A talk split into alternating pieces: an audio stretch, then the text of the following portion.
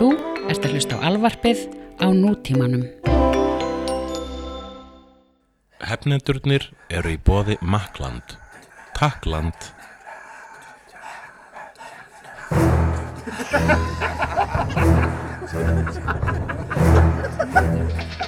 Varst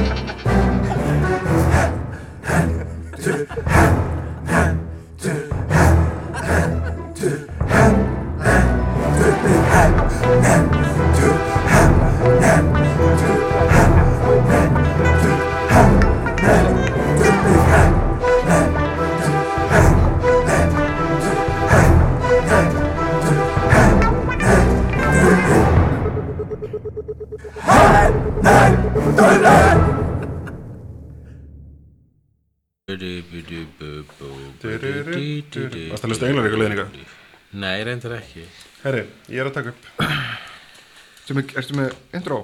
Já, ég var hérna í, um, ekkur brosur og svona.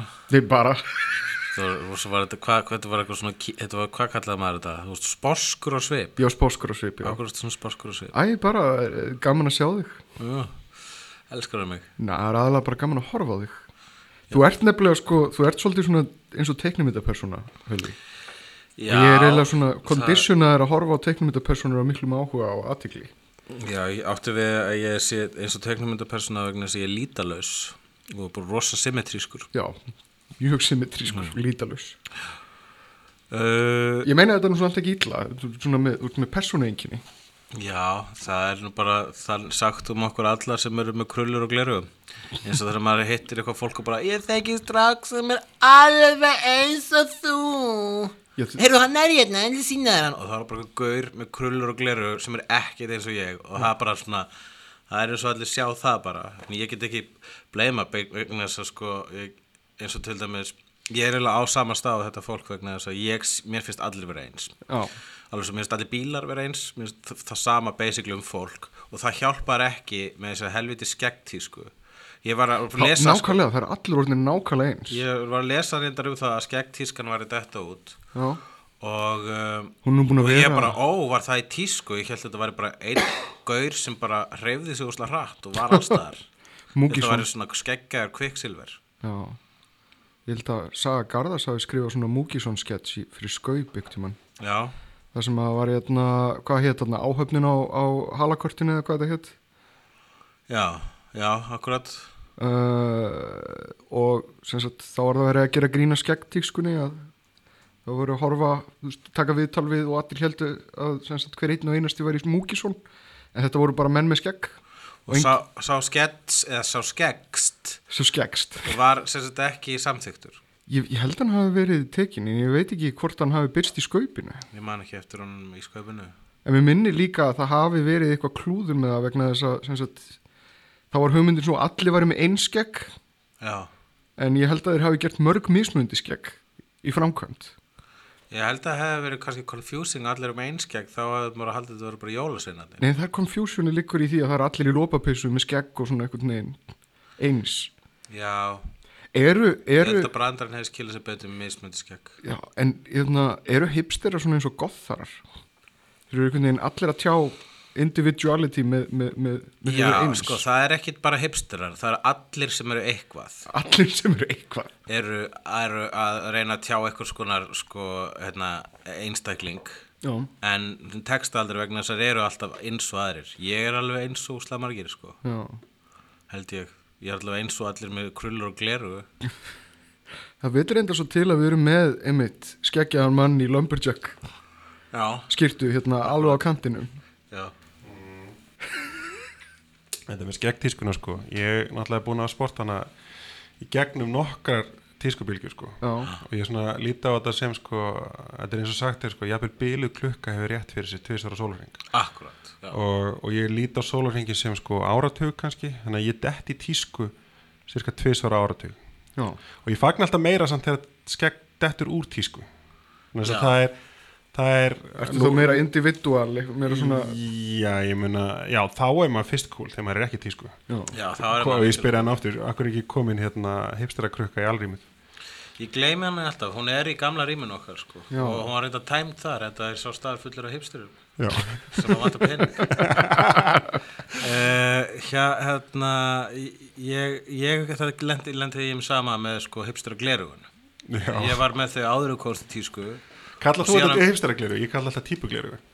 já ég kalli þetta Buddy Holly glerugu en það er alltaf sem ég byðum í glerugnabúðum áttu svona Buddy Holly eitthvað? Ég man eftir þegar ég kefti mér mín fyrstu svona glerugu og þá fór ég í glerugnabúð og uh, var að skoða glerugu með svona þykkum svörtum umgjörðum. Og það var bara vegna þess að mér fannstu flott. Mér, mér langaði til þess að ganga með þannig glerugu mm -hmm. og konan sem var að afgreiða svona, horfði á mig og mældi mig eitthvað svona pínu út.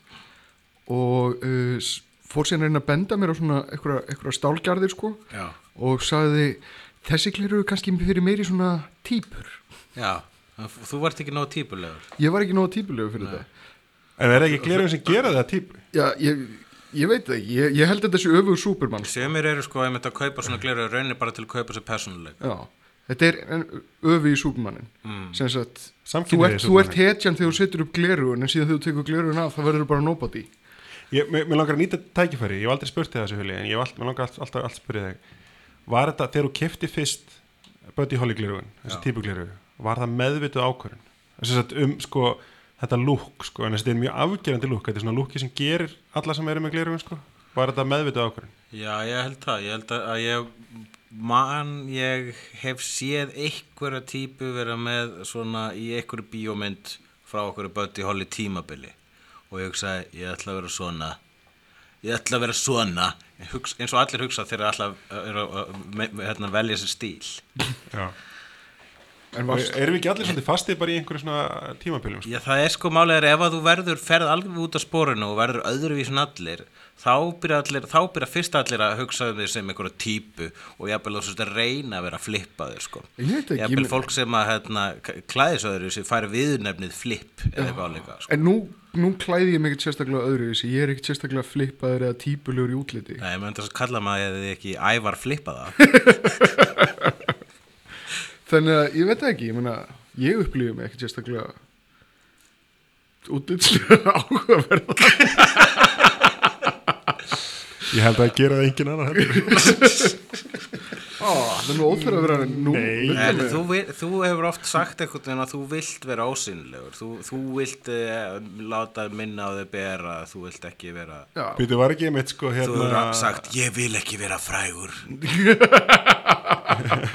Ég er að forðast frægðina. Það það var einmitt, það var einmitt hérna, einn aktivast í jarðabúin.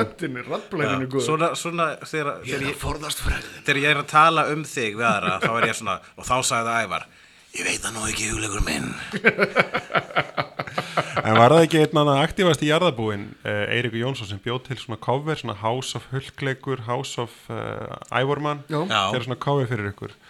Og svo sett hann glerugu á Ivorman. Já, eftir að Ævarmann krafðist þess að það eru sett gleru á sinn kall svo að það eru meira svo hann og ég, þess ég ætla bara að segja það, hann var bara meira svo ég ég, ég heldur enda líka í raunveruleikunum sé ég meiri Bruce Banner og þú meiri Tony Stark sko. Já, uh, akkur vegna sem þú ert græn. Ég er harður Bruce Banner er ekki grætt Nei, já, já, Bruce Banner, ok, en af hverju er þú meiri Bruce Banner og ég meiri Star? það veit það ekki, ég held að þú sért svona meira out and about Mm. umvafin yngismegum Ég er svona í cocktailpartíu og hérna demon in a bottle öll, allt, allt það svona Já. og ég er, ég er hérna ég er hrjáði vísindamaður En tekur þú þá farið, tekur þú reyðisköst? Mér, ég ætla að fyrst, ég hækka rómin oftar en þú hér í þessu tætti Má, sko ég er ekki búin að hugsa þetta alveg til enda. Nei, en þetta er ágættis kenningjar Ég líst vel að þess að sín þína á mér að ég sé eitthvað svona cocktailbóða player Hérna Við erum hefnendur og þetta átti ekki að vera intróð okkar. Nei, Ég var byrjar að segja eitthvað, svo var þessi sporski svipur sem að sló mig út af læginu. svipurinn? Uh, Tony Sposk, eins og ég kallaði þig. Uh, ég var um daginn í sjóarstættunum uh, Spurningabamban. Og uh, þar kefti ég og Lóa Hlín Hjálptísdóttir, við vorum liði teiknara og við reyndar, við, maður fara alltaf að velja þessi nafn á liðið, við kölluðum okkur fucking lúðar. Sem að var til þess að hvert einasta skipti sem að hann Lógi Bergmann yrti á okkur það svo hann, fokkin lúðar, hvað ætli þið? Og það var svo fyndið vegna þess að var hann svo eðlislægt. Og hann, hann var sjálfur byrjað að hafa ágjör á þessu. Bara, "Ah, ég það er svo eðlilegt þetta rennur svo á tungunni þegar ég tala við ykkur. Já. þannig að þú veist, það það kannski vaknaði í honum eitthvað svona gamall bulli En er, er, er Logi svona búli típa? Hann náttúrulega bjargaði lífi Jóns Gnarri eitthvað tíma. Ég Logi er bara frábær gaur og dásalega maður og hann er líka algjör dick Já. sko, sem er hluti af hans sjarma sko. Já. þannig að þú veist það sem að hérna, ég, það er gam, það er alltaf mjög gaman að mæta í þættinans vegna þess að það er svona kontrast hann er svo mikið dick og ég er svo mikið pussy. Og það verður, það verður verða rauninu svona fa- fallegar s- samfarir til Já. sko, við, uh, hérna, og endar oftast í, í góðri sprengingu. Uh, eða ég er bara bombu, spurninga bombu He, þetta verður ekki fyndið huljögur en hérna við keftum á móti Jóni Jónssoni og Friðriki Dór Jónssoni okay. það voru Jónssonir á móti teiknurum Eða fucking lúðum. fucking lúðum og hérna og uh, það, mér finnst alltaf gaman að mæta þess að þetta og hérna og ég man ég man reynir ekki oft hvað, ég mætt kannski fjóru sinum áður fjóru til fimm sinum áður í þessa tilteknu þætti Já.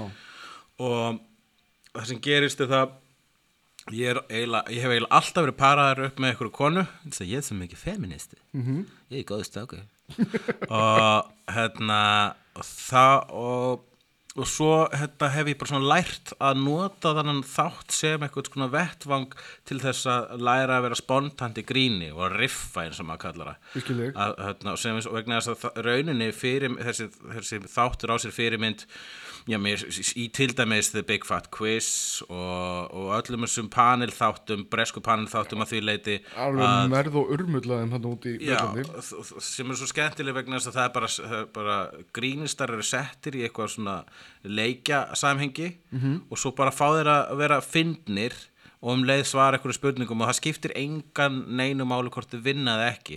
Þetta var einu svona sjarmin við til dæmis uh, uh, pophund Já. þanga til að þeir ákvað, þá, þá, allavega meðan þú voru á skjá einum Tókst þetta því að Felix var alltaf svona, þú veist, okkur er fólk ekki að leika leikin?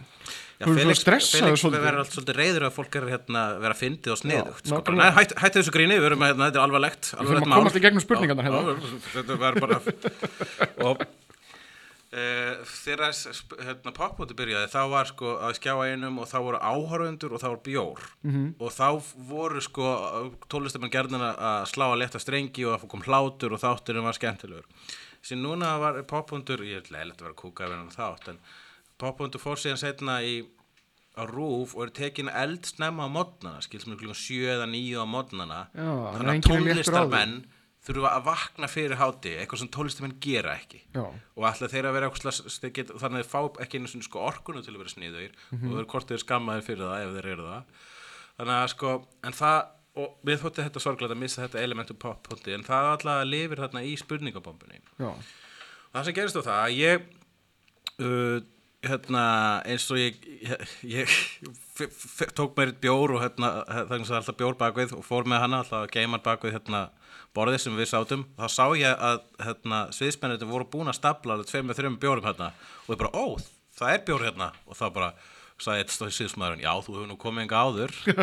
Við veitum hvernig þú ert. Bara, vegna þess að þar síðast þegar ég var, síðast þegar ég var í þættinu þá var ég með uglu. Já. þá var ég líka fárveikur þannig að ég var á verkjatöflum Já. og verkjatöflu vímu og bjór og ég hef bara aldrei verið fyndnari í sjóarpi sko. það er að segja, ég hef aldrei fengið mikið hlátur. Ég var ekkert fyndin, þú voru algjör auðlabrandar Þannig að sviðsmennirnir hafa verið bara- Þannig að sviðsmyndin hafa verið bara, ok, við viljum fá þennan hull ég held að eitthvað pródúsir hafa sagt bara setið nógan bjór undir barðina sulla. Það þarf að fóðra skeppnuna. að fara að fóðara skepnuna. Og ég síðan, síðan byrjuði hérna, byrjuði við að spila og hérna og ég byrjaði ég var bara stanslöst Já. að tala, að grípa fram ég held að þátturinn lengdist um klukkutíma vegna þess að við vorum svo mikið, svo mikið eitthvað svona að gjamma. Já. og uh, ég upplýði eitt og eitt moment þar sem ég fannst ég vera leiðilegur við annarkvort Loga eða Jónssoni. Uh, en síðan eftir þáttina tók ég náttúrulega höndina á öllum og faðmaði og bara frábær þáttur og bara og, og, og hérna, sorry ef ég var eitthvað leðilegur og þeir bara, nei, sorry við vorum leðilegur og, og þetta eru dásalegi drengir en, uh, hérna, en það er þetta sem ég langaði að pína að ræða. Þetta yfirbræð, hvað anstíkileg heita það? Þegar að að maður vera fyndinn? já, þegar maður er með mikrofónin og uh, hérna og finnur svo knúin til þess að vera fyndin og þá er oft leitað maður að eitthvað skotspón eða jafnvel er eða jafnvel verður skotspónin ástæðan að maður fer í gang uh, og þetta upplöðu við einu sinni þegar við vorum saman með pubquiz á Já. Bravo fyrir að verða tveimur árum síðan eða eitthvað. Shit, er það voruð svo langt síðan. Það er svona eitt og hálft ár síðan. Það var síðasta pubquizið uh, þetta var ekki, ég man ekki hvað, þetta var allavega þegar við vorum með áður við Við hérna, orðnir hefnendur nei, vorum Það ekki búin að lenda fyrir ég var ekki búin að lenda í gamma geisluninni og þú varst ekki búin að lenda í terrorista hellinum Já, en uh, ég það, það var skemmtilegt moment vegna þess að við áttast þarna og sjáum að bara borðið við hliðina á okkar borðið þaðan sem við lásum spurningarnar Mhm. þá voru sko svona sex úlingar og það voru augljóslega undir óþægilega Aldrei. augljóslega. Já. Og uh, hérna og síðan var það bara svona já ok, ég hugsa, var bara hugsa vonandi að þessi úlningar ekki með eitthvað læti. Og svo byrjaði að segja, jæja, ok hérna, uh, byggjum ykkur uh, að lækka róminn, nú byrjar hérna pubquizið. Og þá var ykkur úlningur eitthvað asshole sem satt hérna á næsta borði og eitthvað svona gaf svona fokkiputta með svona aftur fyrir sig sko. Þetta er dæmi svona, þú veist svona, svona, ekki, hann horfði ekki hann svona á ekki, mig og meðan hann gaf mig fokki sko. Hann er ekki asshole út af því að hann er unglingur Hann er bara, hann er bara asshole. Hann er bara asshole sko, hann, þessi maður á eftir að, að, að deyja einn. En sko, svo, svo, svona ég, mér finnst þetta ekki um hann, en svona tala ég um hann Já. til þess að vera fyndin en hérna um, ok, þannig að hann, hann sýtti með vanveringu og einhver sagði svona þið og eitthvað og ég bara, ok, it's on. Já, já, ég man eftir þessu. Ég var sitjandi við hliðina á allan tíma þar sem þú hakkaðir í þessa litlu unglinga. Ég hef sjaldan farið jafn illa með ungmenni og mér mjög skrítið að ég skildi að segja sjaldan farið eins og ég hafi nokkru sem máður gert það líka. Já, Jú, ég ég, var myndi- náttúrulega að vinna í, í, hérna, í Ég- uh, uh, sumabúðum þannig að ég hef líklega farið illa með ungmenni Ég myndi reyndar jafnil ganga svo langt og segja að ég hef sjaldan séð því jafn svona spontant fyndin. Það er nefnilega eitthvað við það Reyðin og, og grimdin Já. gerir því fyndin. Grimdin gerir mig fyndin og hérna það, það var til dæmis sko, þá byrjaði ég eitthvað svona hérna, jú, jú, þeim með að taka það ég byrjaði svona að dissa eitthvað. Þau eru yfir 21 ás ef maður leggur aldurinn þeirra saman og svona bara svona, bara svona all, allt bara hausinn fór bara í gang og reyndi að finna alltaf nýja leið til þess að gera grín að þau voru ung. Já. og til dæmis þá hérna, þegar það er ein spurning í keppninu okkar þá er hérna, þú farið verðlaun þú farið skota barnum með með sniðasta nafni á liðinu. Já. og þau voru actually með sniðasta Já. nafni á liðinu sem var, var eitthvað svona óþólandi úlingar það, er bara svo, já, það passar algjörlega. Þannig að þau unnu og ég sagði bara já, þið fá all skot, farið bara barinn, síni skilur ekki og, náði skotin ekkar og þá hló allir. Og svo hérna var ég eitthvað svona hérna, að dissa þau fyrir að vera þau voru alltaf að svindla, þau voru alltaf að googla og eitthvað svona og svo- já. og svo bara var þetta svo start og stöðut að þau voru bara byrja, byrjað að vera sár sko. Núna var sko, nú er borðið búið að snúast við og ég var bara að leggja þau í einelti og þau voru við það að fara að gráta sko. Það var reyndar eitt, sko. Það voru einhverju tveir þarna sem ákveða að gera þetta and square já, og voru ekki að googla, sko. Og þeir tóku þetta svo alvarlega og unnu skotið Já, um skotu fyrir besta nafnið og síðan eru þeir verulega sárir þegar þeir gátt ekki fengið skotið á barnum afgreitt vegna þess að þau höfðu ekki aldur til þess Já, ég held að, ég held að þau myndu fatta þann brandara Obviously er ég ekki að fara al, Þú veist, ég er ekki að fara að láta það gerast að Já. þau fái skot sko. Nei, og síðan tók við eitthvað svona 20 mínútna bara skringilegt einhliða samtal. Það var þau að gerist í miðri keppninni Þú veist, þegar hann var eitthvað svona að tuða við Nei, þetta var, barþjónin þetta, var í lokin held ég þegar við vorum að hérna, Já, voru að telja stígin. Og þetta var allt við, við mikrofónin. Já, Og hann kemur til mér eitt strákur Og segir eitthvað svona Fyrir ekki, en þú sagðir að við möttum fá skot. Ég bara, já, þið unnuð þessu keppni En þið, þið þurfum bara að sína skilur ekki já, Við erum ekki skilur ekki En þá geta ekki fengið skot. Já, en þú sagðir að við möttum fá skot. Já, þið fáið skotið sína skilur ekki Og á réttum aldri. Já, við erum ekki með það. Og svo var bara svona Svo var ég bara svona ert, Byrjaði að segja, ok, ég, það er greinlega erfitt fyrir það að skilja þetta En þú hefðir aldrei fengið þetta skot og vinsalegast hætt að horfa svona framan yfir mig vegna þess að ég er hann pínur hrættu við þig. Og sagði eitthvað svona og fólk hló. Og þá fattaði ég það að ég var að niðurlega drengin Já. vegna þess að hann var svona frosinn. Já. hann fröist þarna og horf starða á mig. En hann var ekki vegna þess að hann var að fara að lemja mig Nei. hann vegna þess að hann var stjarfur af niðurlægingu. Já, en síðan í ofanlega þá sko hann gat ekki sleppt takinu. Nei, hann, hann, hann varða hann einhvern var- veginn að bjarga heiðri sínum og vissi ekki hvernig það var mjög erfitt að fylgjast með þessu sko. en ég samt sko, ég einmitt mann eftir því, ég satt svolítið mjög fyndið fram að því sko. ég nefnilega satt sko um leið og hann fór að svona frjósa svona fyrir framann ég upplifði þetta strax sko sem ógn. Mhm. ég er búin að sjá kids, ég veit hvað þessi krakka geta gert með, með hjólabretti. Já. Og þarna uh, ég var Ég er búin að sjá kids. Og ég var bara, ég var að býða eftir að það kæmi eitthvað svona vandræðilegt upp á sko. Já, uh, og, jötna, og það þyrfti að veist, skakka leikinu eitthvað. Þannig að ég byrjaði svona að færa iPadin svona þess niður til hlýðar og og, svona velta fyrir mér þyrfti ég að velta borðinu eða?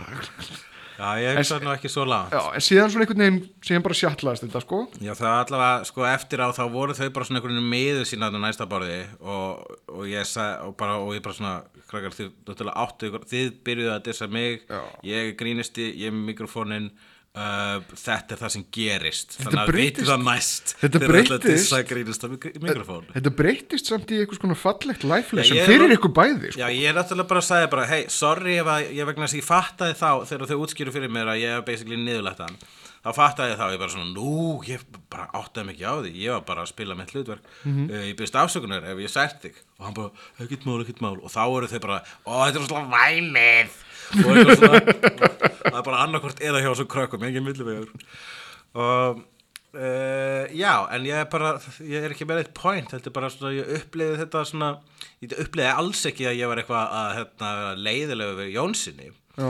en ég uppliði mig sko, ég, þegar, í bílnum hérna á leiðinni heim þá uppliði, fæði ég svona já, löpuðum bara. Nei, nei, Lóa kerði ha? Þetta er lengst út í raskat Já, já, nei, fyrir ekki, já, bombuna. Já, já, ég, ég, ég, ég blandaði saman þetta í hústum á mér, fyrir ekki á- þá fekk ég það sem að svona, fekk ég svona, hvað getur maður sagt, over svona smá þingu Já, sem er sko þegar að þú ert sko, þegar þú ert búin að heitir, þetta heitir samviskubit. Sam, Já, það er samt samvinskupið, er, nei það er ekki það.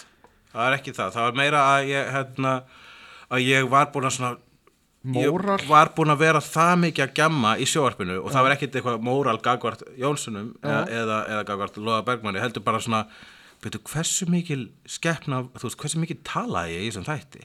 Já, uh, hérna á ég að passa mig þegar ég fer í sjóarp hvað ég segi?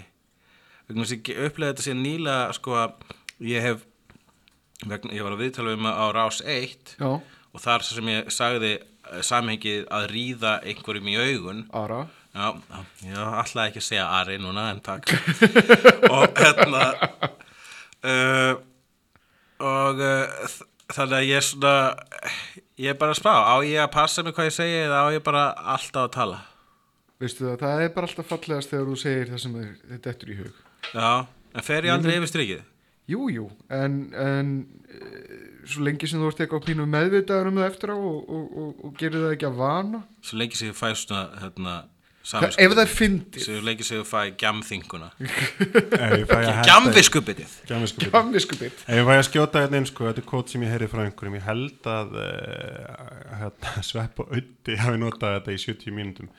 En það er allan allir lífsreglan þeirra og ég held að þetta fylg, fylgjast við. Það er Já. það að í staðin fyrir að byggja um leif á föstu degi, byggja afsökunar á mánudegi. Já, akkurat Já, það er alveg góð lína sko Annars gerir ekki neitt í lífið þitt. Nei, já, nei, ég mun ekkert breyta mínu fari, sko. Ég bara, sko, að aðla er ég bara að auðlýsa hversu ágeislega frábær ég var í spurningabombun á föstudaginn. Tjekkið á því, það eru gleikstóra ykkur voti. Hvað er að gerast? Jæna, ertu búin að sjá Fantastic Four trailerinn? Já, Hvernig líst þér á þetta? mér líst betur á þessa mynd núna heldur en þegar ég vissi ekki neitt um hana. Já, mér líst vel á þessa leikara Já, ég, Mér líst reynda mjög gaman að sjá að, jæna, hvað heitir hann, Michael B. eitthvað sem að leikur Johnny Storm Hann heitir Michael Jordan Michael Jordan, Já, heitir hann það? Já, hann heitir Michael B. Jordan eða eitthvað sliðis Já. Hann er hérna, ég, er- er- ég hef akkurat verið að horfa aftur á The Wire, mm. þar sem hann er með mjög sterkan performance í fyrsta sísunni Já, og hérna, í, mjög gaman að sjá hann svona all grown up. já, já hann er litli krakkin í vægir Já. Alveg rétt Já, ég, hann var náttúrulega þarna í sko hinni myndinni þessar leikstjóra Já. Hvað heitir aftur þessu leikstjóri? Uh, uh, Trank, Krank, Joss Trank. Hann gerði þarna uh, The Chronicle sem er mjög slæmt mynd en var mjög skemmtileg mynd Chronicle, það er gott nafn. Chronicle þýðir bara saga Já. Þetta er alveg svo mynd að segja hann saga sem heitir saga En ég meina það er þetta þýða á íslensku sem kr- krónika. Já, en af hverju Ég finnst það bara, þú veist, þetta er eins og að kalla bar, bar eins og þegar barinn barinn var til eða Já. búðin búðin Þetta er ekkert sniðut Ok. Uh, og þetta er bara rugglandi maðurstu myndin The Chronicles of Riddick? Já, Akkur heitir hún það? Akkur heitir ekki serían The Chronicles of Riddick? Og þessi mynd hefði heitið Riddick versus, versus The sem vegna þess að þeir va- eru vendilega að reyna að fylgja Star Wars mótilinu sem byrjar á því að skýra fyrstu myndina Star Wars. Já. og síðan þegar henni gengur, gengur vel eða þegar hún gengur vel þá uh, fara þær í framhöldin og þá allt í henni heitir hún Star Wars A New Hope. Já, það er miklu verið tillatnir á að hún byrjar á, fyrsta myndin heitir Pitch Black Já. og átti ekkert að vera eitthvað upphæfið eitthvað Riddick-seríu nema sá karakter var svo vinsæll að þeir fóru beint í næstu mynd og þá heitir hún Sögurnagar af Riddick eða Chronicles of Riddick og svo kemur þriðja myndilóksis og hún heitir bara Riddick. Þetta er bara ridiculous. En já, ég ég veist Chronicle fín um, og þetta er fín titill líka Já, ok, þetta er alltaf góð mynd en titillin er það ekki. Já, ok. Hérna, en eh, Fantastic Four. Þeir eru svolítið að taka Nolan leiðina já, virðist vera. Þetta er svolítið dark. Já, uh, ég er svolítið spenntur að sjá The Thing almennilega, já, akkurat. Mér finnst það svolítið grár reyndar ég hefði viljað sjá hann gulan Já, já, þeir eru bara að reyna að fjarlæðist þetta síðasta svona brún sí- síðustu barnamyndir þarna sko. Ég setti link á, hérna, á hefnendasíðuna nýlega frá hérna, effektafyrirtekinu sem hefur gert rosalega mikið að drasli fyrir, fyrir hann Guillermo del Toro. Já, og þeir sáu um effektavinnuna fyrir hérna, Fantastic Four uh, síðustu myndirnar. Já, þær hræðilegu myndir. Já, og þá sá ég það, linkurinn sem ég setti á var raunverulega the thing eins og þeir vildu gera hann. Þeir vildu gera hann animatronic. Já, já, akkurat. Já, og, það. og þann liti út eins og Kirby Það var um Kirby Thing, þing sko. með stóru búrstina augabrúnirna og stúdíóið þegar ma ma manni síndist maðurinn sem var að kynna þetta næstu verið með tárin í augunum þar sem hann segir að stúdíóið hafi ákveðið að þeir vildu vera frekar mannlegir og nær raunveruleikanum. Mhm. Og það, þess vegna það er með það sem er fast einkennandi við þær myndir hversu nálægt raunveruleikunum það voru.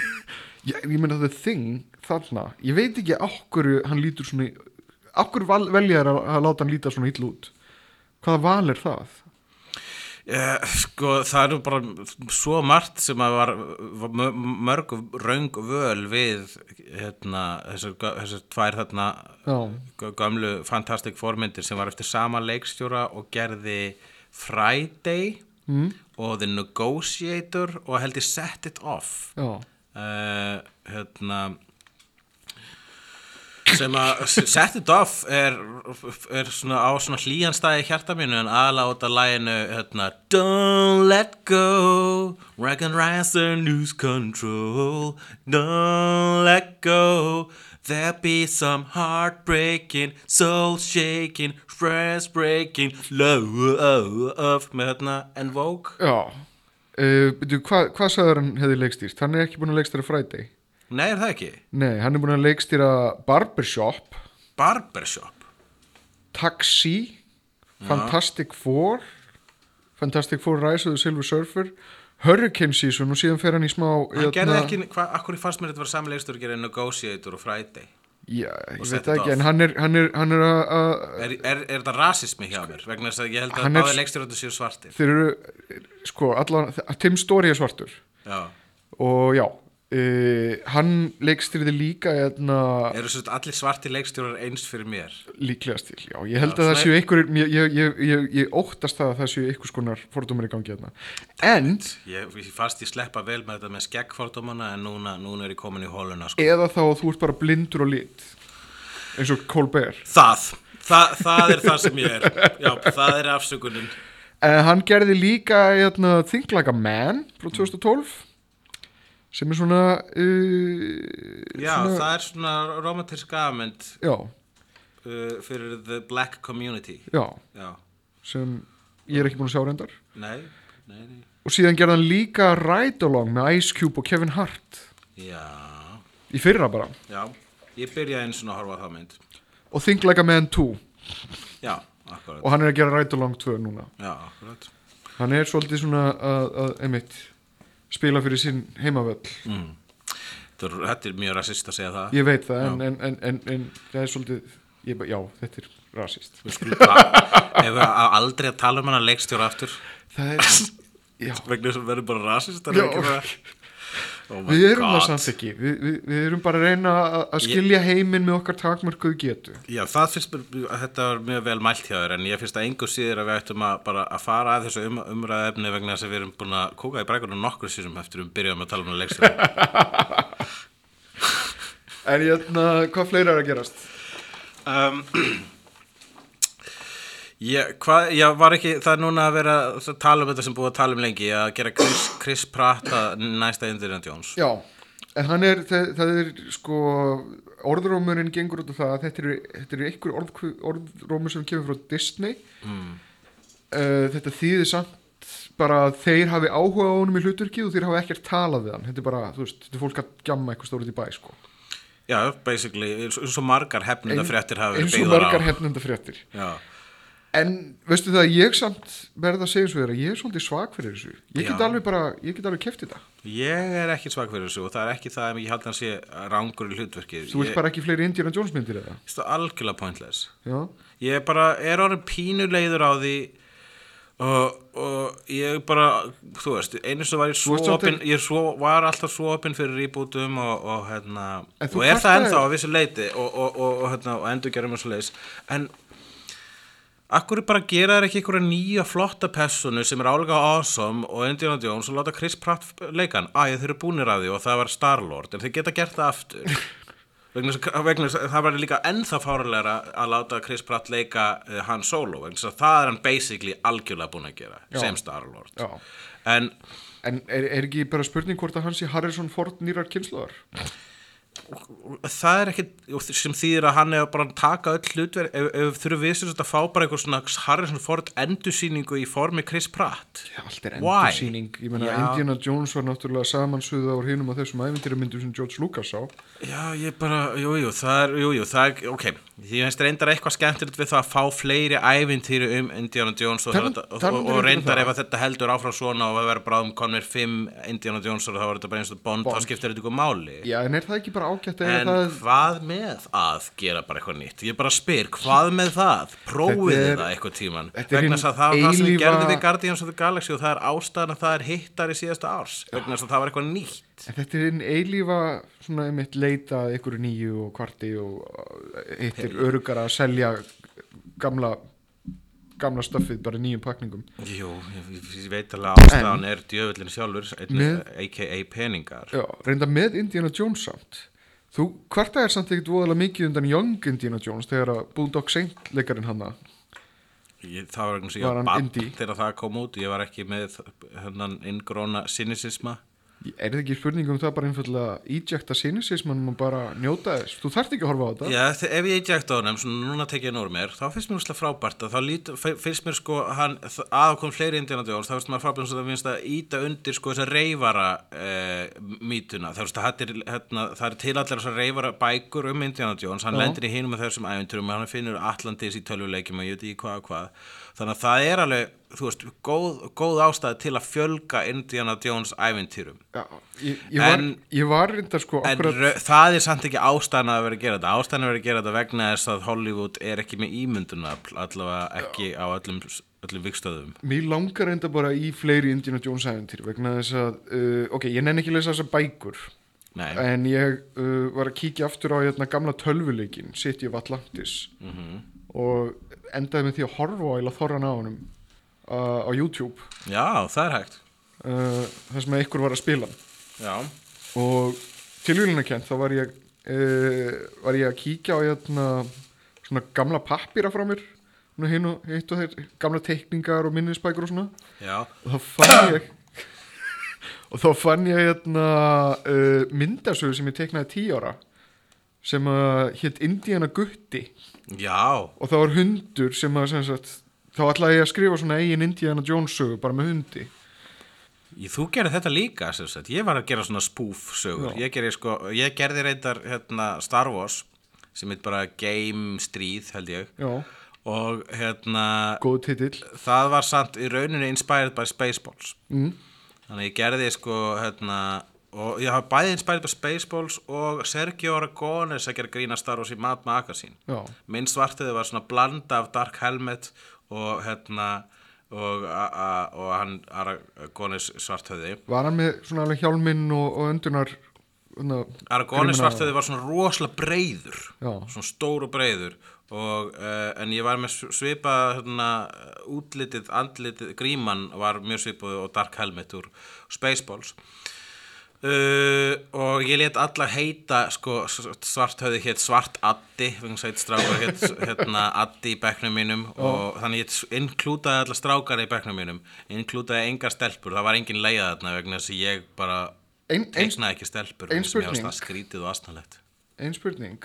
Hérna, þú a, varst með sem sagt alla þessa stráka í bekknum í, í, í þessu varst náðu, náðu þetta til þeirra fengu þeir að vita þessu fannst já, já, þetta cool þeir fannst þetta geðvegt sko. Keftur, þér einhverja vinótt út á þetta? ég var ekkit eitthvað, jú, ég var alveg svona sem lúði í í Vesturbæðaskóla nema það var, það var ekki það var ekki þetta, þessi stjættaskipting þar Það- það var ekki lípar.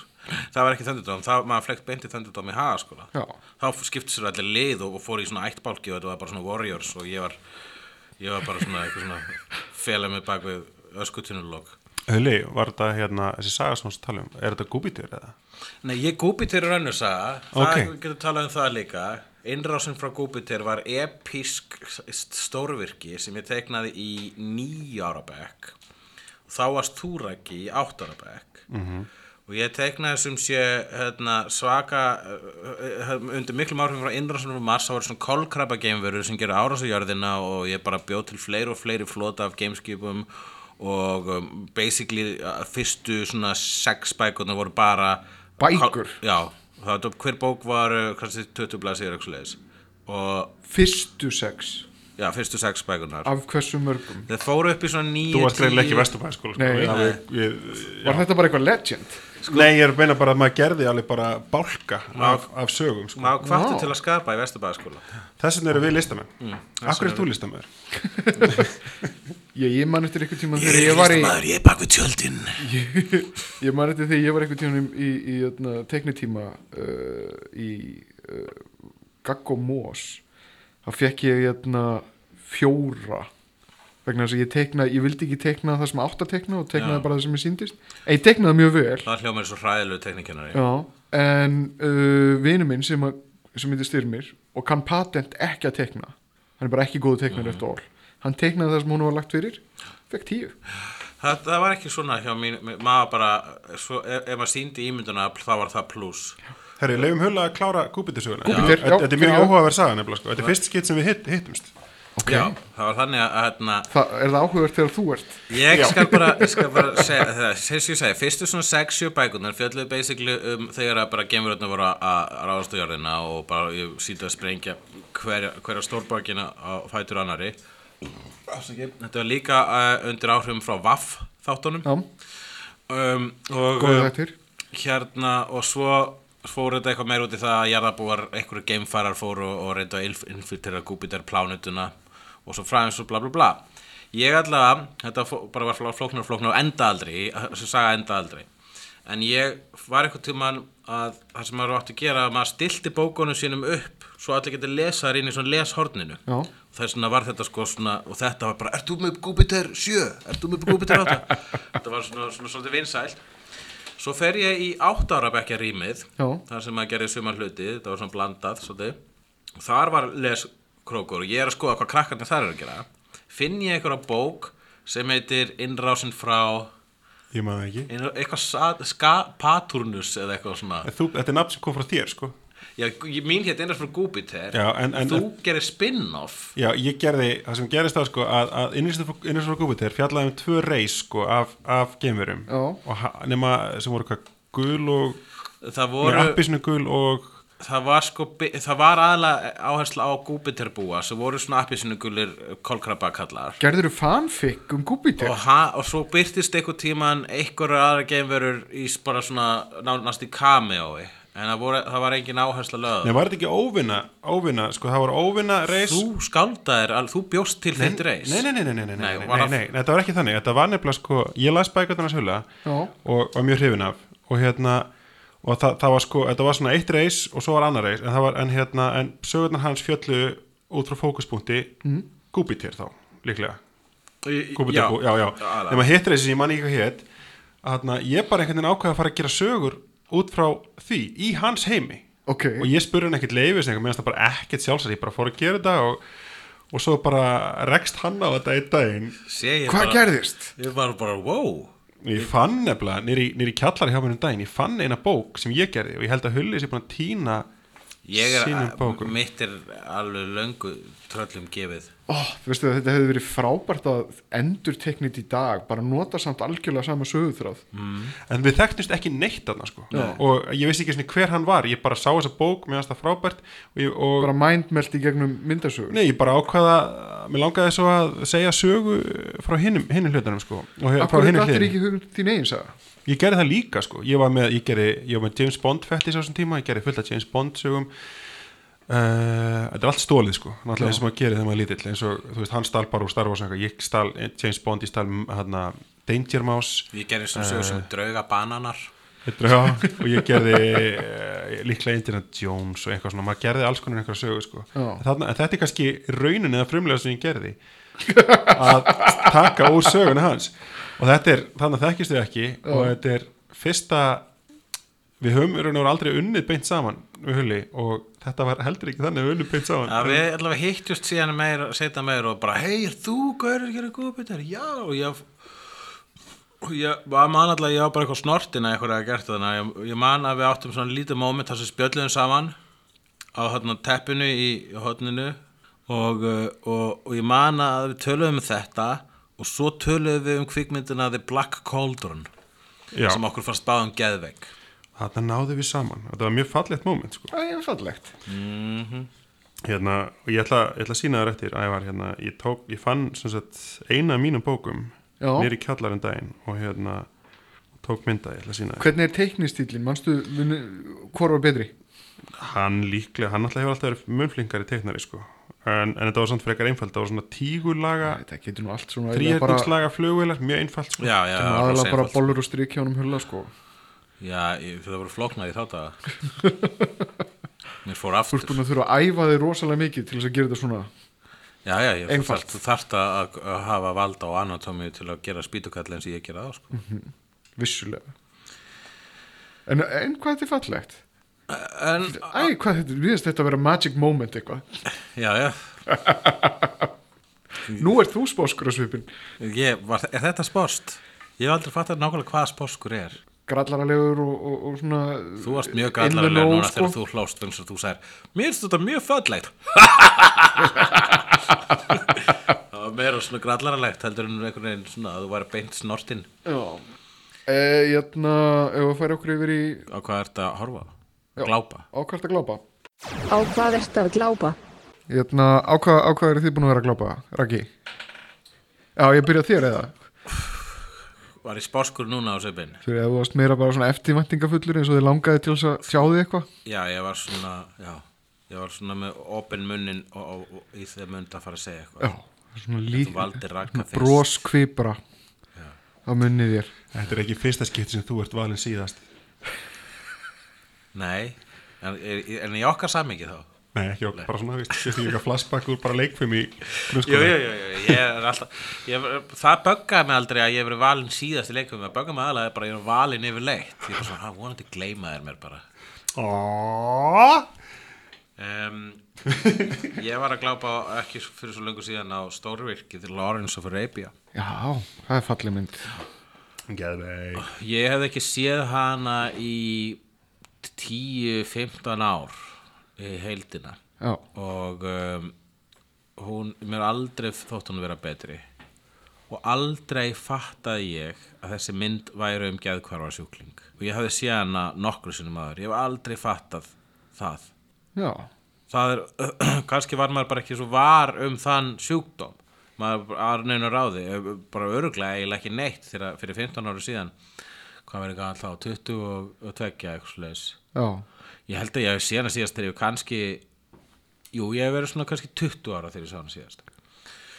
Og en, það, en sko, þetta er fyrsta bíómyndin sem Peter O'Toole leikur í og hann er ekki bara gullfallegu maður, bara fáránlega góðu leikari. Já, ég held að fullkomi double feature væri þessi mynd og Venus sem síðasta myndin sem hann leik í. Þar sem hann leikur eldgamlan kall sem verður svona hálfpartin ástfangin að einhverju svona einhverju tjaf skingu í Breitlandi uh, en hérna Frábær myndir endar líka. Frá, já, ég, bara, ég ekki séð hann alla en bara ég- það litla sem ég sá að bara það, þetta er, þetta er, er- lítið, lítið meistarist alla, Hún er alveg tearjerker sko. Já, hvað var það sko leik þá verðist hún vera algjörlega máli þannig ég ætla, ég, ætla að mæla með því sem double feature þó að ég tók það ekki um daginn. En hve, hvernig sko en, hvernig það eh, þessi, að, að þessi geðsjúkdómur hérna, T.H. Lawrence fór fram hjá mér það finnst mér úrslega merkilegt vegna að hann er þunga miðja þessari myndar. Þú- langt sem þú hefur séð hana? Það er svolítið síðan sko. Og he- hugsar þú eh, og, Nei, ég nefnilega, ég hafði aldrei hort á hana með þessu hugur það, maður þurfti ekki svona að horfa á hana með þessu huga fyrir þetta er augljóst. Maður var bara miklu vitlir þegar maður sá hana síðast. Og, og sem bara könnun á því þá er hún stórkusleg sko. en síðan náttúrulega er bara frábær vegna þess að hún er rauninni er hérna bara fyrstulega mynd um sög, byggð á sögulegum heimildum og bara gaman að horfa á hana sérstaklega í dag. Gaman og bara skrítið allavega svona umhugsunavert uh, vegna þess að þetta er basically um hvernig uh, miðaustrið var til eins og það er í dag, þetta er um hvernig Írak var til. Já, en síðan er líka náttúrulega þessi indislega myndataka í eðumörkinni það sem að híminn og, og, og, og, og eðumörk blandast og, og etna, allt í svona glorious widescreen beautiful litir. Það er hérna það að þessi mynd hafi ekkert verið gefin út á vídeo í fullscreen það er hvílíku glæpur og svo það fer held í 50% af tjaldinu í burtu sko. En uh, það er náttúrulega bara höfundur einkenni David Lean að það eru falleg skot og, og, og þetta widescreen. Og, og hérna atrið widescreen. þegar Omar Sharif byrtist aftur. Það er, það er stanslust minn, minnst á það sem eitt besta, bestu atriðum kvikmyndasögunar atriði sem hangir í, alltaf í mér er hérna nöðgunaratriði Sko, þetta líka Ég vissi ekki, ég hugsa aldrei um að þarna hefði nöðgun átt sér stað það, það er ekki ko- sínt þeir nein klippa nauðgun. frá, Það er ekki sko. sínt neina nöðgun í Ég hugsa að það honum, átt sko. að vera pynting sko. Og svo líka það að, hérna, að Lawrence allavega í þessari mynd er frekar gay Það er mjög mikið í að því hann er alltaf að hanga með þessum tveimur ungu drengjum mm. sem eru, eiga örgulega að vera og það er eitthvað sem að hérna, Peter O'Toole, Handelsöfundurinn og David Lean hafa örgulega allir verið fullkona meðvöldur um og hérna, sett inn í myndina. Þannig að þeir setja hérna uh, setja mjög adult hluti sérstaklega með þann tíma sem myndin er gerð. Já. þannig að hún- er rosalega djörf nefnum hún felur allt þetta djarfa. Ég myndi reynda samt ef eða að þú veist hún felur að fyrir alla hálfvitum. Já, ég verð reynda að ef að það að Pítur og Túl hafi verið mjög meðvitaður almennt sko, hann var drikkjubolt í döðans það breytir til ekki að hann hafi verið meðvitaður. Svo, Það er til sögur af því þegar hann sko var á, raskatinu í, á bar og svo kemur ykkur svona understöti til hans og svo bara, byrju, þú ert að fara svið hérna eftir tvær mínútur. Og hann bara mm. fucking sod of you stinker lame. Og, svo fer hann á sviðið og bara leikur fullkomlega Já, og svo, og bara, engill. svo, og, og svo kemur hlið og hann ælir og drekkur meira og fyrst hann svið og leikur fullkomlega. Þannig að ég held sko að hann, hann er með eitthvað svona náðargáfu og náða, náðargáfan er það að geta fallið alveggjörlega í karakter á sama hvar, hvar sko, hans líka meðstattur þannig að vissulega er eitthvað svona meðdund eða allavega er það í undir meðdund hans hva, hver hinn þetta- sanni Lawrence er. Það er eitthvað muscle memory í gangi þarna. Hann, hann tengir, beintengir við þetta. En þessar, allar þessar sögur sem er Peter O'Toole og fleiri. Það var Peter O'Toole, Richard Harris og uh, John Gielgud. Uh, John Gielgud. Uh, en voru, það bókin Hellraisers er hendur ekki með Gilgud nema kannski svona gesta. Það er var ekki hérna- jafn mikið sko. Hvað heitir hann aftur? Burton? Have you seen all this wonderful cock out there? það, það er Richard saga, Harris. það er Richard Harris, Richard Burton uh, Peter O'Toole og jæna, Lo, uh, Olivier jæna, Laurence Olivier. Oliver hvað heitir hann? Ah. Lawrence Olivier Nei, Oliver Olivier. Reed Oliver Reed. Já, hann var náttúrulega mikill bolti Þessir, þessir fjórir eru það, þú finnur bókina Hellraisers þá eru sagði bara fyllir í sögur af þeim þar sem að þeir eru bara Ég man þegar að var tilkynnt á Ain't It Cool News að Richard Harris var í dáin Já. og það var, bara Peter O'Toole eftir. Þá var fyrsta kommentið fyrir neðan var Peter O'Toole vann! Og það sem er önnur sagði í hvert einu skipti sko þeir drukku svo mikið saman svo voru ekkert að hanga það mikið á, e e eftir hérna, á elli árunum en ef að Peter O'Toole og Richard Harris rákust á gott annan þá sögðu þeir alltaf bara ba- nánast í kór You're still alive og voru alltaf genuinely hissa sko um, Jötna, varst þú ekki með eitthvað, eitthvað sem þú ert búin að vera að glápa á? Jú, ég er búin að vera að glápa svolítið mikið Eru við ekki að fara að kynna eitthvað hérna spennandi? Herra, það er nýjung á alvarpinu. Ég, hérna, ég er búin að vera svo busy að ég hef þurft að, að búa mig til verkefni, það verkefni að horfa á kvikmyndir til þess að geta að horta á kvikmyndir. Mm. Afsaka þannig fyrir mig, þá alltaf hann að líða mér eins og ég sé að vinna. Ok, Og hérna, uh, á morgun, uh, 3. februar, 3. daginn 3. februar, þá fyrir lofti fyrsti þáttur uh, af þríleikja þáttunum uh, Trilogík já sem að ég og eiginkona mín Melkorka Huldudóttir Nákvæm ekki 3. mars vegna þess að 3. mars þá kemur þriði þátturinn þetta er allt sko og það var. Og það var allt líka það var allt líka hérna sko það var líka rætt að sko þættirnir muni byrtast fyrst, fyrst geta morgun. Mm.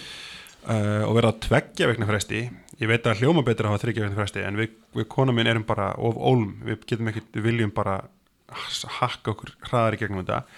Og, og sem var þetta svo svo symmetrí sko að, að, hérna, að þá lendir þriðji þáttur þríleikja þáttana trilogík á þriðja þriðja Já, og það passar svolítið fallega. Og það er mér að segja mitt ammælisvika alvarpsins. Þannig að það er bara beautiful. Og já, uh, við erum að byrja á þessu morgun. Þetta er hugmynd sem við gengjum með lengi og erum að hérna og uh, fyrsti þátturinn okkar er á morgun uh, og þetta virkar þannig að við fáum alltaf gest sem að ræðir uppáhalds þríleikin sinn eða seríu, þetta þarf ekki að vera eitthvað svona það megalega hafa verið gerðin fleiri en þrjár myndir að því. Og trilogían má vera huglæg já, eins og þú kannski kannast við, förum kannski inn á það eftir að þú ætlar að vera með svona huglega trilíkju en talað um hug þá mun hugleikur vera fyrsti gesturinn okkar á morgun. og hann ætlar að ræða við okkur um uh, Mad Max. Og það, þegar við rættum þessu hugmynd fyrst þá bara kom hann bara, Mad Max, tek frá. Já, og það var þrælskemmtli þáttur, við erum búin að taka hann upp. Já, búin að taka upp uh, þrjá þætti, nei, tvo þætti as we speak, tek upp annan á morgun, nei í dag já. nei morgun Og hann bara fyrir loftið á morgun. Hann fyrir loftið á morgun og verður á þriðidögum sama dag og áhugavarpið. Eða, eða ef þú ert að hlusta á þetta setna þá er hann komin í loftið. Já, það Þetta er hann fór í loftið 3. februar 2015 trilógík er og þetta er bara uh, þannig erum við að þræða okkur í gegnum myndirnar og uh, bara það vera staðrindir uh, fabuleringar og skemmtilegheit. Já, og bara já, þetta verður hrigalega skemmtilegt. Og þetta er búið að vera ókslega gaman og það er búið að vera gaman við erum búin að þræða þess að það er Mad Max það er eftir tökum við Back to the Future uh, framundan er þetta er svona svolítið svona mm, típiskar uh, trilogíu sem við byrjum á og svo Já. förum við kannski að vera meira absúrt það verður í framtíðinni Die Hard og Lethal Weapon og, og Star Wars og svo kemur þú bráðlega með þína huglægu trílökju sem þú stakst upp á. Já, Kristján Slater Outsider trilógían mín. Mm mér líst mjög vel á það. Já, og við erum að svolítið að sapna í sarpin hérna hvað hva, hva, hérna fólk kveikir á. En um, ætti ég ekki að koma tvísvar viðbútt þannig að ég sé þrísvar þannig ég er með tvær aðra trilógíur í huga. Jú, jú, þú mátt koma skal lofa því. Hérna, það var alveg það var mikil nöytt að ræða við þig um kveikmyndir og, og þú, þeir eru sko sannanlega bóðið aftur. Þakka þér fyrir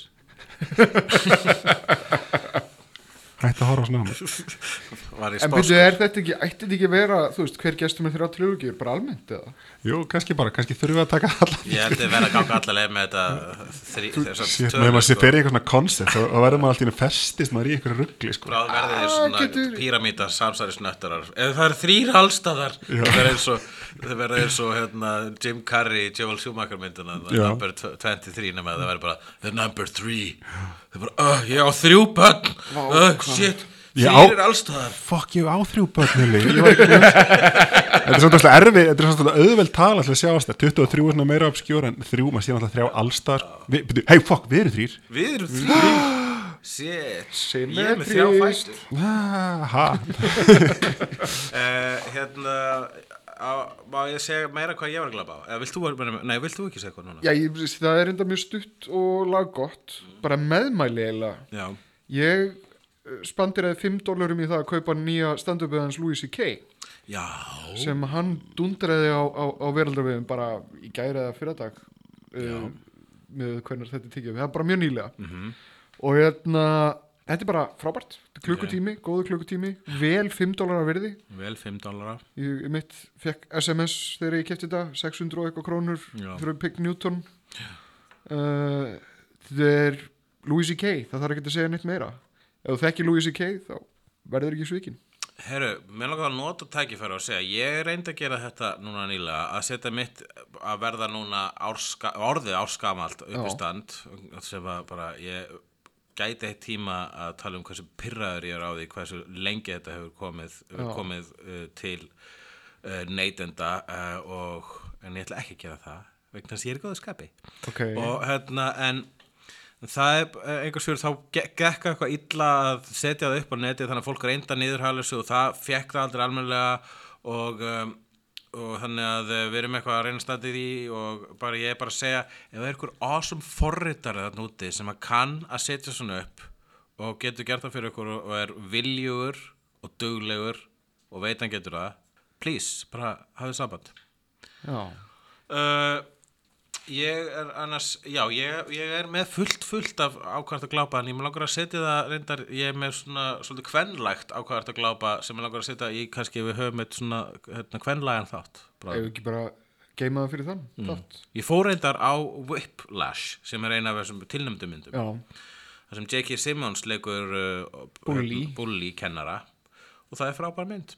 Já, ég einhvern veginn hef það tilfinningu með trailerin Mm Ég fór líka á Girlhood sem fjallar um uh, úlingstelpur í, í ghetto í París sem það eru vinkonur já, og eru er, svona, eru svona, eru svona í litlu smáglæpa gengi er hún tekin á 12 árum bara mínus 20% eða eitthvað slúðis Þetta er ekki boyhood, nei, þetta er bara, na, já, nú skil ég, hún, hún heitir nefnilega A Band of Fee. Að beindu fíl því er stelpugengi.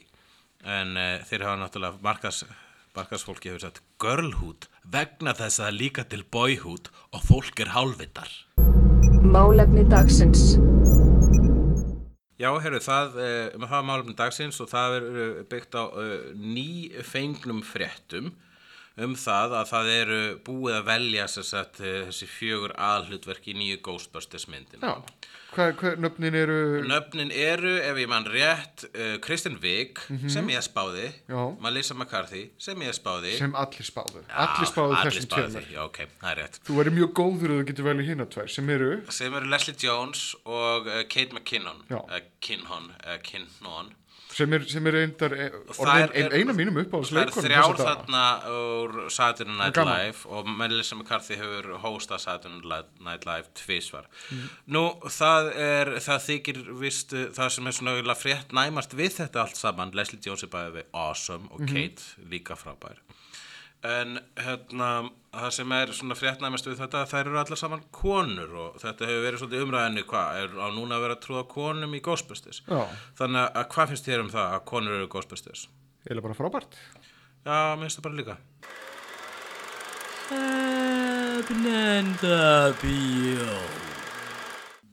Núna á morgun uh, sérstu að hlusta á þetta kæri jarðabúi á mánudegi annan februar höldum við hefnandabíu aftur? Uh, ég held að það hefði bara toppað allt saman síðasta hefnandabíu þegar við síndum The Room. Já, ég vissi ekki að það vera hægt að toppa uh, Trapped in the Closet Já. en The Room gerði það. Við, við, við gáum jarðabúum við fórum beint úr skápnum í herbyggið já. Í, í etna, plastskeiða til þess að henda skjáinn og, og það var bara mikið leið ég held að sumir hafi grátið þess að það er mjög erfitt stundum að horfa á The Room en þetta hefur verið bara mjög vel hefna og við ætlum að reyna að uh, halda þessu við og reyna að gera fleiri svona sýningar. Og núna morgun verður enn eitt hefnendabíó og það er doozy skal ég segja þér. Kvikmyndi Nei er ekkert svar frá 1995 já, svartkvít glæpa köldmynd þessa mynd hef ég ekki séð. Já, og ég verð, ég ætla að taka það fram að ég verði ekki eins og viðstætur þarna. Hann Raggi verður uh, hefnandi í minn stað. gestefnendandi gestnamdi. Já, það er mjög spennandi, ég hef heldur ekki séð þessa mynd, aldrei. Okay. þetta, er þetta er nefnilega eitthvað sem að ég komist að, að, að ég fór á þessa mynd í bíó, í bíóborgina á sínum tíma. Og uh, uh, hún er mjög sérstök. Svo vakt sér til orða tekið hún er undir miklum áhrifum af Pulp Fiction og, og uh, sem sagt Jón Tryggvason sem að leikstir í myndinni, hann segir sjálfur að hann hafi verið undir áhrifum af John Woo. Já, hvað eru svona byssuballett atriðinni eitthvað, svo- eitthvað svo leys, já íslendingur í henni með meir en eina byssu Hvað er mörg slow motion byssu parta atriðinu? Ég held að það sé ekki neitt Hvernig er þetta að vera undir áhrifin frá John hvað Woo? eru margir Ég, drefnir í ég þessari mynd átta mig ekki alveg á því sko, hvernig tengingin er sko. ef, ef, ef, Er er, þetta er, er dúfur í myndinni Er þetta, er þetta ekki frekar svona Pulp Fiction wannabe? já, já og nei Þetta er hárkollan náttúrulega Já og nei er ekkert svar Æ, nei, þetta er undir áhrifum að þessum 90s indie myndum og, og Pulp Fiction og Reservoir Dogs og eitthvað fleira. Samkvæmt hálkallinu hennar Ingi Bergar Stefánsdóttir þá er þetta mjög mikið það, það mætti halda bara höfum svona hálkallin svo um á þörmun var með. Það er sko, þetta, þetta fjallar um sagt Siggu sem er le- leikinn af Heiðrún Önnu Björnsdóttir sem að þá var, var Ég, ég hef ekki séð þessa mynd, má ég gíska á eitt? Já, Kemur þessi sigga úr sveitinni já, og fer í borg óttans já, og kynnist glæbalíð já. Er fóstbræðra þátturinn íslensk bíómynd? Mögulega. Basically remake af þessu. Er það, en þess að ég fattaði aldrei sko en þess að það átti að Vegfór var þetta ógæst líka sko. Já, sama leikuna Já, saman, það er bara það er, Nei, Ingeborg Stefáns er vond samt í þessari. Já, Nú, hún ok. leikur, hún leikur, hún, já, já, Hún leikur vond, spiltu sýsturina vond og góð, hún er spilt. Já. hún leikur Didi sem er, sem er the bad seed. Sem er sýstir þessari siggu. Já, þannig að þú veist og, og hún, og, hún og stóð þarna á einhverju ljósmynd sem þú komst með á hún var skóluð á mölinni. Um skóluðu mölinni. það finnst mér beautiful.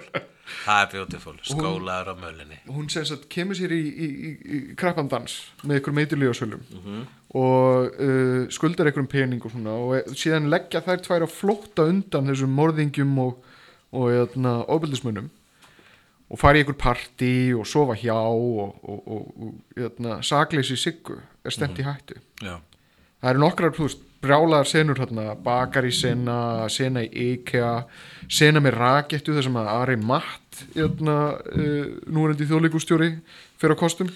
Já. No comment en þetta er alveg klikkumynd og það sem er áhugavert við hana er að- með fullri virðingu fyrir öllum aðstandundum að hérna, uh, þess að maður, ég er búin að vera fletti í gegnum tímarit.is uh, uh, uh, svona aðeins að, lesa mig til um hana. Við komst að því hún er aðalega nefnd sem næst versta ef ekki sú versta kvikmynd sem flestir hafa séð, íslensk. Já, hún er e, næst neðst hún er, hún er, ég held hún sé einhverjum prósentastífum fyrir, fyrir ofan ofinbjörn Hannesar á IMDb sem versta íslenska hv- Nú er ég mjög forrættin, hver er versta kvikmyndin? Opinberun Hannesar eftir, eftir hérna, Hún er versta? ég held að hún sé alveg öruglega vesta Ok, fannst þú svo að sagðir að það er Internet Movie Database, það, það er hún ekki Það verst. þetta er IMDB sko. Hún er ekki vest, hún er næst vest Já, ok, ég miskildi hvað það Eða, hún, hún hefur verið það í gegnum tíðina sko. Já, uh, ég áttur að tjekka hvort hún sé það ennþá hefur dag þú í hort dag á sko. Opinberun Hannesar? já, Hvað, það er spurning mín já, Hvað, á hverju, ég veit það ekki hvað Það er actually eina sem ég get sagt Opinberun Hannesar sko, Opinberun Hannesar nefnilega hefur ekki nei er ekkert svar hefur nei er ekkert svar er raunverulega skemmtileg Já. ef þú horfir á hann í gegnum ákveðna linsu sko. Ef- Já. ef þú svona já, þú þarft að hafa svona ákveðin vott af sinnisisma en þú þarft að njóta þess. Ég, ég held að finna væntalega ég sé þessi örfá atriði sem þú sýndi mér að það er náttúrulega það að það sé sko hérna glæpa karakterar í í íslenskri glæpamynd að hegða sér eins og þeir hafi lært að vera glæpamaður úr bíó. Já, en það sem maður hefur síðan í setni glæpamannamyndum í íslenskum að þeir, þar er sko actually glæpamennin látið líta út eins og íslenski glæpamenn og eru þar að leiðandi miklu meira skeri vegna þess að þú hefur kannski staðið við hliðanum að eitthvað tíman Já. í röðinni á sambíónum og þetta er meira svona skrýbó sko. og jæna, ég held samt að það sé komið meiri þólinmæði fyrir þessari gerða mynd heldur en var þegar hún kom út fyrir 20 ára síðan hver er þessi gerða mynd? ha. hver er þessi gerða mynd? hún er svona grín glæpamynd En og ég held að það er það sé svona miskilinn? pínu miskilin Heldur þú það? já og nei Nei Er þetta svona hérna The Room, svona eftir á að higgja svört komedi? Já. Ó, Þetta var einu svört svona quirky black comedy já, hún er allan að Black and svartkvít white, já Já.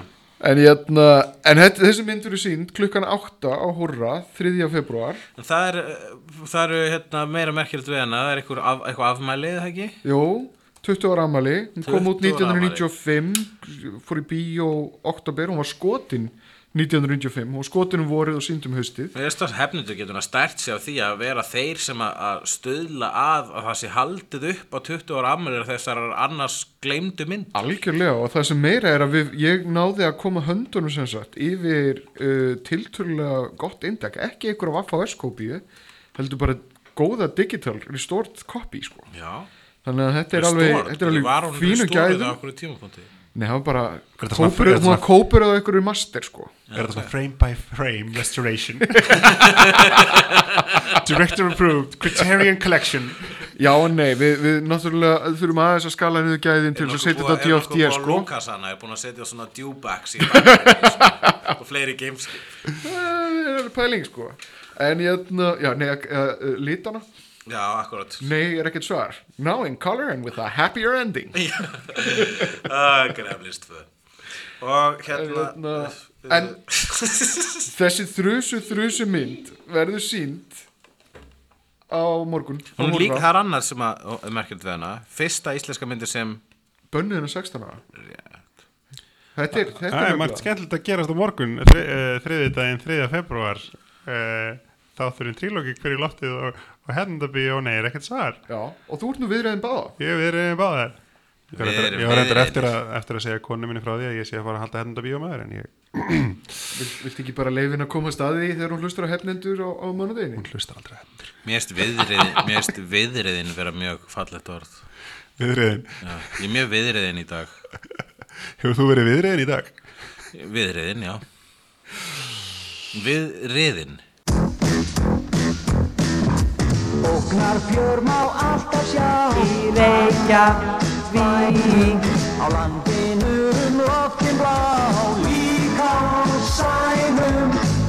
Hættur og háski Látur og gáski Hefnendur Í Reykjavík. Hefnendur Í ævintýrum lendast þess Hefnendur